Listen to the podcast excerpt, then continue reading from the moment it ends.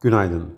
Türkiye Cumhuriyeti Merkez Bankası Haziran, Temmuz ve Ağustos aylarında sırasıyla 650 bas puan, 250 bas puan ve 750 bas puanlık faiz arttırımlarının ardından Eylül'de politika faizini 500 bas puan arttırarak %30'a yükseltti.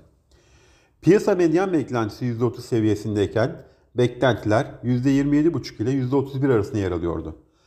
Merkez Bankamızın brüt rezervleri 15 Eylül haftasında 0.9 milyar dolar artarak 121,5 milyar dolara yükselirken bunun 0.1 milyar doları altın rezervlerindeki artıştan kaynaklandı.